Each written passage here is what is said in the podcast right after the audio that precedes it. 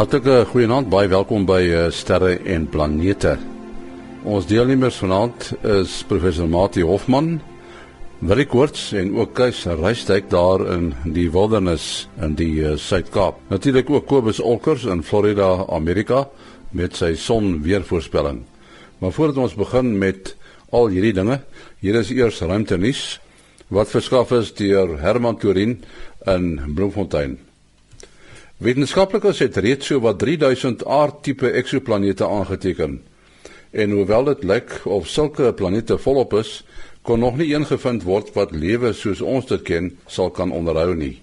Dit blyk uit terugvoer van die Kongres van die Amerikaanse Astronomiese Vereniging wat die afgelope week in die VSA gehou is. Die planete is dikwels baie naby aan hulle sonne wat dit besonder warm maak en het geweldige dik atmosfere wat tot 10 keer so erg is soos die druk op die bodem van die aarde se oseaan. Dit wil voorkom asof baie van die planete ontstaan het terwyl hulle sonne nog gevorm het en so van die gas opgevang het wat in die geval van die aarde reeds tydens vorming na die son ingetrek was. NASA se Hubble ruimteteleskoop het 'n bloedjong ster betrap toe dit genies het. Die jong ster bekend as 4633 Cassiopeia het warm gaswolke teen snelhede van honderde kilometer per uur die ruimte ingenies en die ster in 'n waas gehul. Hoewel die fenomeen so wat 1000 jaar duur, is dit net 'n fraksie van die lewensduur van 'n ster. Uiteindelik sal die ster klaar genies kry en as volwasse ster soos ons son bestaan. Dit is nou presies 10 jaar sedert NASA se twee Marskarretjies op die rooi planeet geland het. Spirit het op 4 Januarie 2004 al hoppend op Mars geland en Opportunity op 25 Januarie dieselfde jaar. Opportunity werk steeds, maar Spirit het na 6 jaar teenspoed gekry. Die plan was dat die twee tuigies net enkele maande sou werk, maar winde het gereeld die sonkragpanele skoongewaai en die grondbemanning het geleer om herrings so te gebruik dat die panele in die winter soveel as moontlik sonlig sou opvang. Tot sover ruimte nuus wat geskryf is deur Herman Turin. Daar sien ons praat nou met eh, Kobus Olkers ons sonman in Florida, Amerika. Die son was nou aktief en pole geswaai of besig is om pole te swaai ensovoorts ensovoorts.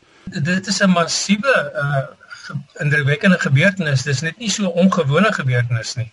Uh dit gebeur soos ek nou die dag vir almal gesê het. Ehm um, elke 22 jaar al vir die afgelope 5.5 miljard jare.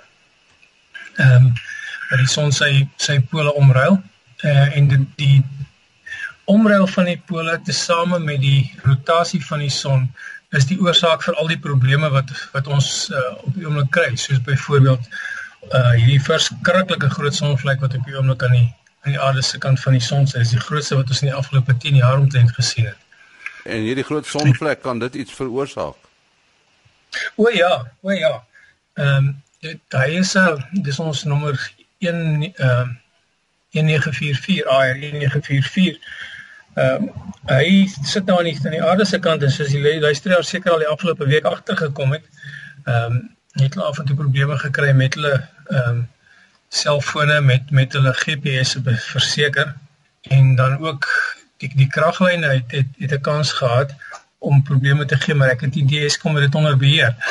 Dan het ons natuurlik ook dinge soos jou GPS wat nie lekker is nie, jou langafstand kommunikasie, enigiets wat deur 'n satelliet gaan hierdie afgelope week uh vreeslik probleme gehad. Ek weet die satellietoperateurs het het het baie les opgesê want hierdie groot sonvlek uh het 'n baie onstabiele magnetiese konfigurasie en ons weet nou al dat as 'n sonvlek uh, onstabiele magnetiese konfigurasie dan beteken dit sy sy veldlyne word vreeslik hard gebuig. Dis soos wat 'n mens 'n tuinslang probeer buig. En op 'n of ander stadium dan dan gaan hy toe en as hy toe gaan, dan bou die druk op en op en op tot hy bars. En dis presies wat daar gebeur. Die veldlyne is soos tuinslange, hulle bou op, hulle bou op en een of ander tyd dan, dan gee die ding pad, kom dit hier na die aarde se kant toe ehm uh, natuurlik ook na Suid-Afrika toe. En uh, dan kry ons 'n paar effekte. Die oomblik as daai son so daai lyne af afbreek, dan kry ons ongelooflike groot ekstrale. Sterk ekstrale. En ekstrale is dan nou goed wat wat mense in die in die in die ruimte kan beïnvloed en dit beïnvloed ook ons ionosfeer. Dit maak dat die ionosfeer ehm uh, vreeslik baie uh los elektrone kry. Dit is waar die sy naam ionosfeer vandaan kom. En die ding bevoeder dan ons ons GPS en al die soort van goed. Mense hoef nie bang te wees nie, die ekstrale dit moet 'n besonder. Daar was nog maar twee ehm uh, ekstrale uitbarstings in die geskiedenis van van 1840 af wat genoeg ekstrale uh, gegee het om om die mense op op die uh, aardoppervlakte te pla. Hierdie lyk nie asof hy dit sal kan doen nie. Ehm um, dan ook in die ruimte as as mense enige van hierdie ehm uh, son teleskoop en ruimte teleskoop prente kyk die afgelope week is hulle vol kolletjies dit lyk asof so sneeu op 'n televisie. En hierdie sneeu is eintlik die elektrone wat so vinnig beweeg, hulle beweeg teen amper die spoed van lig en hulle vlieg dan sommer reg deur die ruimtetuie en hulle tref die elektronika binne en onder andere ook die kameras, hierdie CCD's wat 'n mens gebruik wat elke mens op sy selfoon ook het. Hierdie ding is dan vol, dit lyk so sneeu. So ons uh, ons waarnemings van die van die ruimte af is is, is, is ook 'n bietjie swak op die oomblik. Ehm um, en daar is nog 'n duisternis ander goed wat wat hierdeur beïnvloed kan word. Daar's ook nog vinnige protone en dan natuurlik teen die tyd wat die skok self hier aankom, hy kom teen so ongeveer 7800 km per sekonde hier aan. Dis 'n groot wolk plasma. Uh ondenkbaar groot. Uh seker ag maklik seker 100 of 1000 keer groter as die aarde. En as hy die aarde se magneetveld tref, dan dan kry ons die effekte nou weer op die uh op die kompasse en op die elektrisiteit en die soort van goed. Goed Kobus, jou besonderhede as mense vra het. Dit is uh op um, 'n selfoonnommer 0832648038 maar SMS alleen asseblief 0832648038. Baie dankie Kobus Olkers. Ons praat uh, heel eerste vanaand met uh, Willie Koorts van die Suid-Afrikaanse Astronomiese Observatorium. Hy is natuurlik daar in die Kaap en uh, ons gaan so 'n bietjie gesels, 'n bietjie kyk oor uh, wat in die sterrekunde gaan gebeur hierdie jaar. Dit is natuurlik nie heeltemal voorspelbaar nie, nee, Willie, want uh, daar's dinge wat gebeur wat ou nie verwag nie. Maar jy sal onthou ek het uh, verlede keer uh, het ek mense uitgenooi om vir my vrae te stuur en dan sal ek hulle bel. Nou ons het so 'n uh, oproep gekry, Mike Simpson daar van Durban, die het 'n uh, vraag gestuur en uh, hier is Mike Simpson dan van Durban met sy vraag. Wat ek wil graag geweet het hierdie maandtye voertuie wat so op uh, Mars byvoorbeeld rondry. Hoe lank vat hy sy die aarde af voor hy hom bereik? En uh, die tweede deel van die vraag is uh, hoe lank vat dit voor hy, hy daai tyd reageer? Dit was aan Mike Simpson. Wil jy het jy antwoord op daai vraag? Uh ja, ja, dit is nou wie ook een van daai dit hang af van vrae of antwoorde. Ehm um, dit hang natuurlik af van die afstand tussen ons en Mars wat natuurlik nie konstant of of uh altyd dieselfde is nie. So Mars uh as mens dink aan ons is die derde rots van die son soos ons dink aan die aan die komedie reeks uh en Mars is dan die volgende planeet. So ons gaan uh, ons beweeg vinniger om die son. Ons vat 'n jaar om eenmal om die son te gaan en uh Mars is presies seker nie maar dit is uh, dit is uh bietjie meer as 2 jaar as ek dit reg onthou. So dit wil sê so ek dink so eenmal elke 3 jaar gaan ons vir Mars in die binnebaan verbysteek. So dit dan is ons natuurlik die naaste aan Mars en op daai stadium is die is die afstand wat lig of radiogolwe natuurlik uh, trek uh, is dan net so onder die 10 minute. En dan die ander uiterste is wanneer ons dan aan die een kant van die son is en Mars is aan die ander kant. Natuurlik op daai stadium is daar ook radio stilte en uh, uh jy sal onthou ons het er terug van gepraat dat vir 'n rukkie uh het hulle glad nie kommunikasie met die tuigies op Mars van die aarde af nie omdat die son dan in die pad is en uh, maar dan vat uh, die radioseins so op 23 minute om tussen ons en Mars te beweeg. Ja, en dan die reaksie, uh, mense moet ook dink uh, die tuigie is nie uh afstand beheer nie. Hy's nie remote control nie. So dit wil sê uh jy gee nie vir hom 'n vel en um wag tot hy die bevel ontvang en uitvoer en dan die volgende bevel nie. Die tuigie het hierdie heelwat intelligensie ingebou soos wat Japie vir ons verlede week mooi vertel het en uh, so wat eintlik gebeur is dan uh, die um, reeks van bevele word dan opgelei na die uh, rekenaar die antwoord rekenaar van die karretjies en uh, die karretjies sal dit dan uitvoer op 'n gegeewe tyd of op 'n gegeewe oomblik of op 'n gegeewe uh, plek ensovoorts so uh, die reaksie gaan natuurlik afhang van uh, van die program self en wanneer die spesifieke uh, bevel dan moet uitgevoer word As jy dan vir ons wil vra stuur, jy is baie welkom. Uh stuur dit na my toe maas.henny@gmail.com maas.henny@gmail.com met u telefoonnommer en dan sal ek u skakel en dan doen ons dit soos wat ons nou met Mike Simpson gedoen het daar van Durban af. Maar ek het gesê ons gaan so 'n bietjie uh kyk wat gaan gebeur in 2014.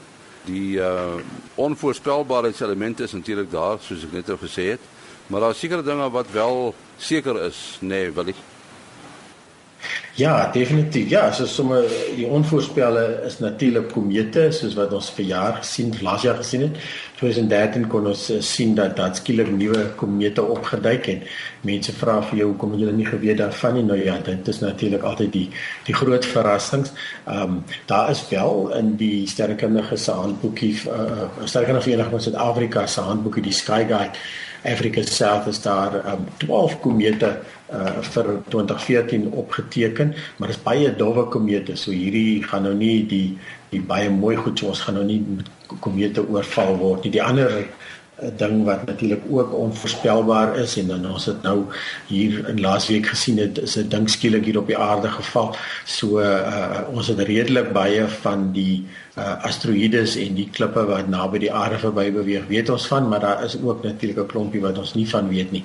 So dit is dan natuurlik ook die moeiliker goed om te voorspel. Ja, die goed wat ehm um, voorspelbaar is uh, uh is natuurlik die maan se bewegings weet ons al baie goed en uh so van 'n paar jaar terug het het die media as ek lyk my 'n ding wat in die media ontstaan het van die sogenaamde supermaan nou die supermaan is eintlik maar niks anderster as die grootste volmaan van die jaar nie. En ook die rede dat hoekom dit so is is dat die maan se baan is nie presies rond nie en uh, so die maan beweeg effens nader en verder van ons af uh op sy naaste is dit so 365000 km en op sy verste is dit so 406000 km. So dit is so amper 'n 15% verskil. So as die volmaan dan val op wanneer die na, die maan op sy verste is, gaan die volmaan natuurlik die kleinste wees. Dit gebeur sommer nou in 16de Januarie. En dan uh so 6 maande later op die 10de Augustus is die teenoorgestelde uh, weer waar wanneer die volmaan op sy naaste is en um, dan 'n 15% groter gaan gaan voorkom uh soos gesien van die aarde af so die die 10de Augustus uh, rondom Augustus gaan julle vreeslik baie berigte in die in die eposse en goeie skryf oor die sogenaamde supermaan. En dis eintlik nou ook wanneer die berigte Mars uh, so groot soos die volmaan eposse ook sy ronde doen. So ek uh, ignoreer maar daai ene van Mars en uh, en en en kyk uit vir die sogenaamde supermaan. Weereens dit is maar 15% verskil so dit is nie dit is nou nie so vreeslik nie, maar dit is 'n nuwe ding wat in die in die media amper ontstaan het. Ehm um, iets wat ook voor hom uit te kyk is is okkultasies uh okkultasies van die maan met planete.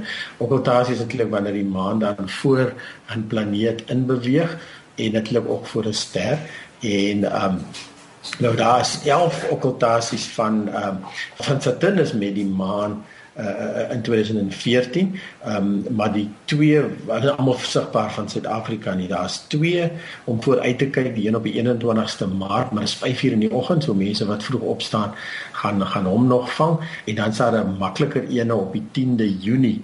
Uh, hy sien weer in die aand en dan gaan Saturnus uh, agter die maan verdwyn uh en vir, vir 'n rukkie uh, uh wegbly dan weer aan die ander kant uit uitpop. So dis altyd 'n 'n lekker ding om af te neem vir so mense wat kan solank hulle hulle kameras en hulle tegnieke vir astrofotografie regkry vir vir daardie uh vir daardie geval. Ja, dan um Dit is dan natuurlik nou die die planete wat hulle normale ding doen. Uh um, Jupiter weet ons op hierdie oomblik die die uh, lekker ja, helder uh, voorwerp wat heel nag sigbaar is en uh, so hier teen die middel van Julie gaan dit nou verdwyn en dan uh, uh, raak dit weer van Augustus af die oggende sigbaar so by die einde van die jaar is Jupiter so vir die helfte van die nag uh, sigbaar. 'n um, Interessante ding uh, Jupiter het mos vier helder maantjies. Ons praat van die sogenaamde Galileo maane en ehm um, uh, dit dit dit is dan uh, maantjies wat gedurig rondom Jupiter beweeg en jy kan hulle selfs in 'n verkyker sien en 'n teleskoop wys hulle natuurlik nog 'n bietjie beter. Nou uh, die maantjies moet natuurlik op 'n stadium moet hulle skade wees op Jupiter val, partymal beweeg hulle agter Jupiter in, partymal beweeg hulle oor die gesig van Jupiter. Maar 'n interessante rare verskynsel is dat daar 3 van die maane se skaduwees op Jupiter val. En uh, dit gebeur net 32 keer in in 'n 200 jaar periode van die jaar 1900 tot die jaar 2100 en uh, een van hulle gebeur nou in in 2014 uh, op die 3de Junie uh, dan is dit net die aanvang. Nou op die hele die hele gebeurtenis nie. Uh, gaan dan van Suid-Afrika sigbaar wees. So dit is dan maar 3 van Jupiter se maantjies se skaduwees op die uh, op die planeet uh, self val. Nou die ander ding wat natuurlik om vooruit te kyk is meteoreens en uh, op ons Facebook bladsy het Anko fotograaf eintlik 'n lekker uh, opsommingkie gesit en daar's natuurlik 'n hele klomp meteoreens deur die jaar en ek sien hy twee uitgesonder. Ehm um, die uh, op die 5de Mei die Ita uh, Aquarius, uh, dit is dan lekker donker maan en uh, dit is dan uh, ook redelik baie van hierdie verskillende sterre wat dan lyk of hulle uit dieselfde punt van die hemel is uh uitkom wat dan gebeur. En uh dan ook vir die 21ste Oktober is die Orionid meteoreen um wat uh, dan plaas van die goed is natuurlik altyd jy moet vroeg opstaan in die oggende vir hulle. So dit is uh, uh um, eintlik maar vir mense wat wat lekker vroeg opstaan. Die voordeel is jy het geen toerusting nodig nie. Jou blote oog is die beste instrument om hierdie goed waar te neem. En jy kan eintlik 'n bietjie wetenskap uh daar doen deur hulle net fisies te sit en tel vir 'n uur lank of vir 2 ure lank. Uh of 'n deel van 'n uur moet net sê uh um, jy kan dit selfs rapporteer so dit is 'n uh, eintlik 'n lekker maklike ding om dan wetenskaplike kennis te uh by te dra want uh dan word die baan van uh, die uh komeet se se se brokstukke word dan meer dan beter sigbaar. Ja, so dit is min of meer die hoogtepunte van 2014. Uh ons sal natuurlik soos die jaar aangaan sal ons meer uh, inligting deurgee en ons ook op ons Facebook bladsy sal ons sal ons dit plaas.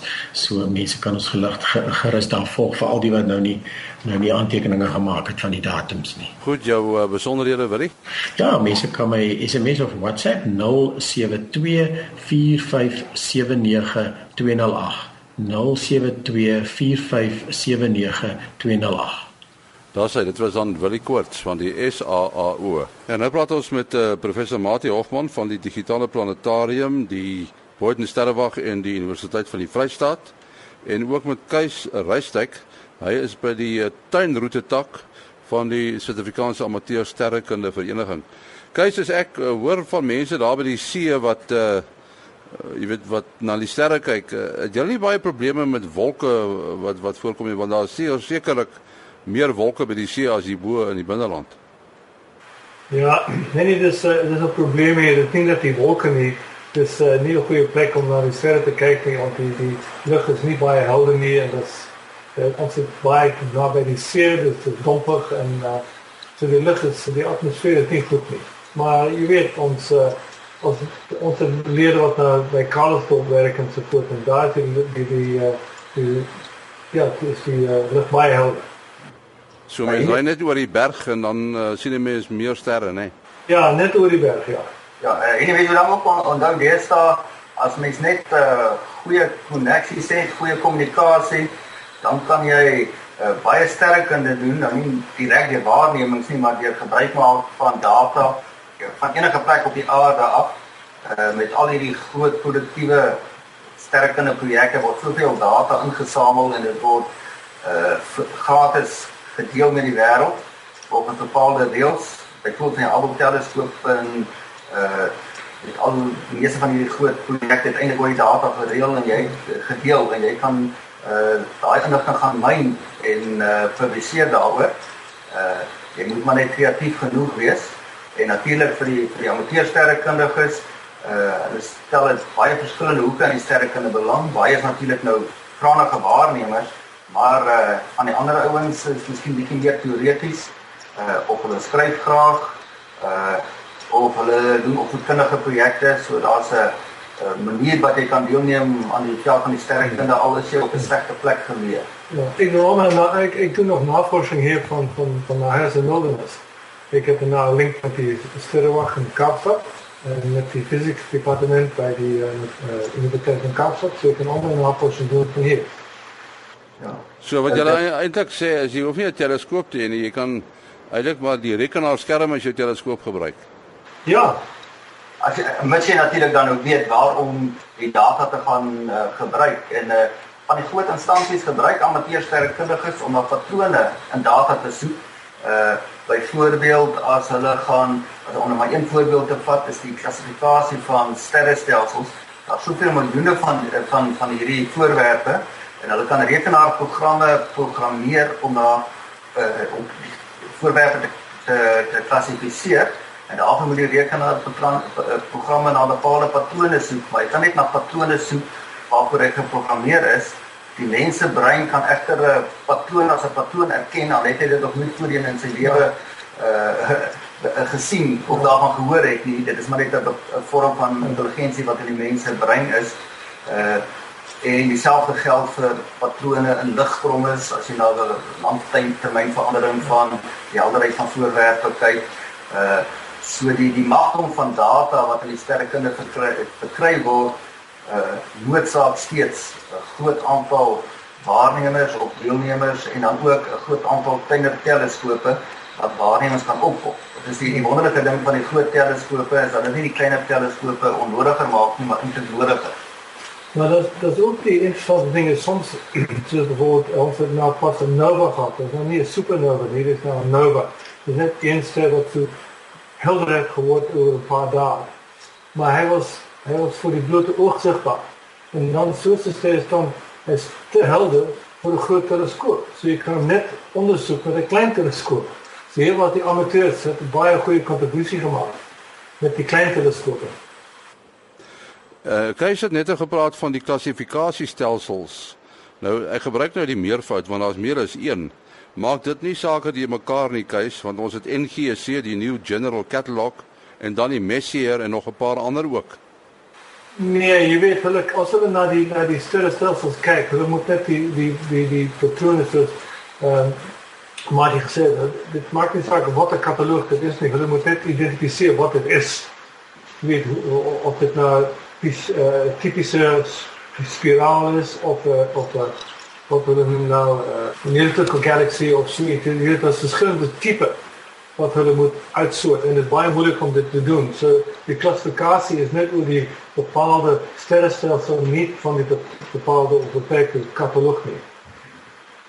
Ek kan my ek kan my voorstel as jy nou na die die tipe name kyk wat hulle nou sien hulle ontdek 'n uh, uh, eksoplaneet, dan kry jy 'n bepaalde naam uh wat 'n uh, onindrukwekkende nommer kan wees uh en dit mag wees dat 'n bepaalde voorwerp dalk twee name kan hê as hy nou deel van 'n ander navorsingsprojek was, daar sou 'n ontvleding kon wees. Ehm um, maar dit hang af met watter tipe navorsing jy besig uh, hou, watter katalogus jy sal gebruik.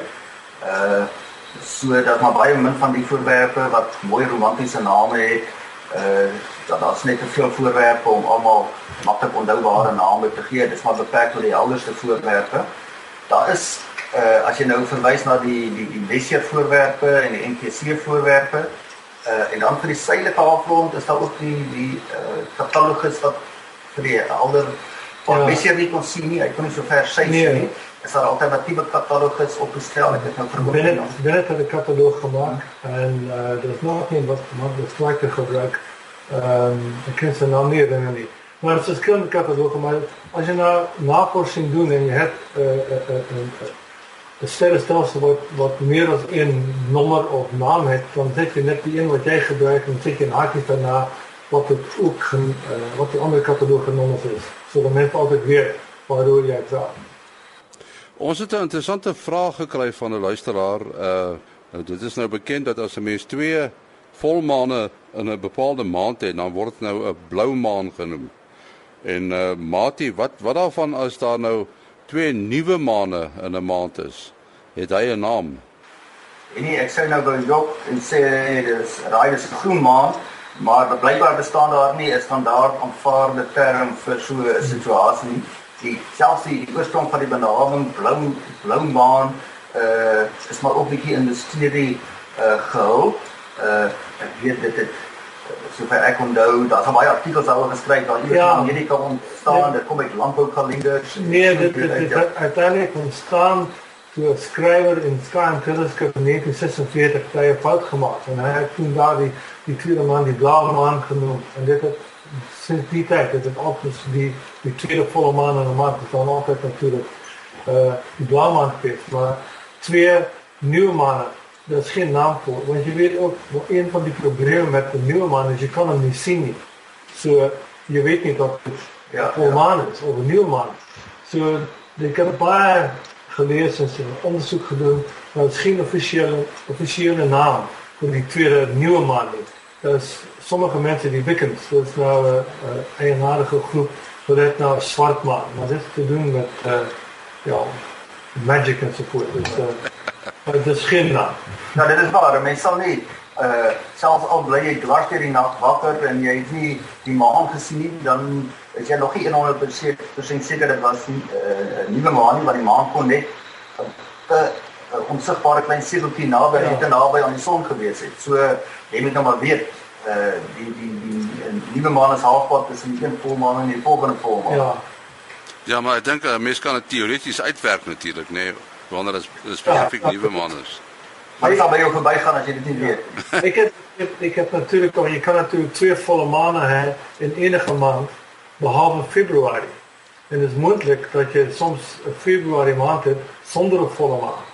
En net ek toen in my skryf het ek gesê dis nou 'n onromantiese uh, nie 'n romantiese maand nie. Want dit is geen volle maan nie. Maar dan is die maand waarin Valentynsdag val. Ja. Maar ek dink uh, ek dink as jy's Februarie maand van jaar waar daar geen nuwe maan is nie. Ja, nee, dis reg. Dis geen nuwe maan. Ja. Die die moontlikheid dat uh, dat jy twee volle maande in 'n maand het of twee nuwe maande is dieselfde. Jy ja. kry jy weet dis uh, jy kry so 'n punt sê dat hulle meer dan jaar so. Ek het Februarie in 29 dae Ja. Uh, in die skrikkeljare dan verander die situasie nou bietjie uh, bietjie want dit is moontlik uh, ja. baie baie nou. ja, ja. Want die, die tyd tussen uh, twee volmaane is net so grapsie minder as 29 dae. Ja. Maar dit is baie moeilik wees. ja, ongelukkig het die tyd ons ingehaal. Uh Mati, as mense met jou in verbinding wil tree? Uh ja, en die jaar is weer volop spoed. Uh die mense kan my kontak 0836257154. 0836257154. Onder andere sal hulle weet wanneer wat wat by die planetarium aangebied. En Kees? Ja, 083 444 2494. Sê hom weer. 083 444 2494. Dan sê ons hartlike dank aan uh, professor Mati Hofman en Kees Reistek. Net weer die herinnering as u vrae wil stuur, kan u dit aan my stuur na die e-pos maas.henny@gmail.com. maas.henny@gmail.com en dan my telefoonnommer by te sit dat ek u kan skakel sodat ons die vraag wat u vra kan opneem. Tot volgende week, alles van die beste.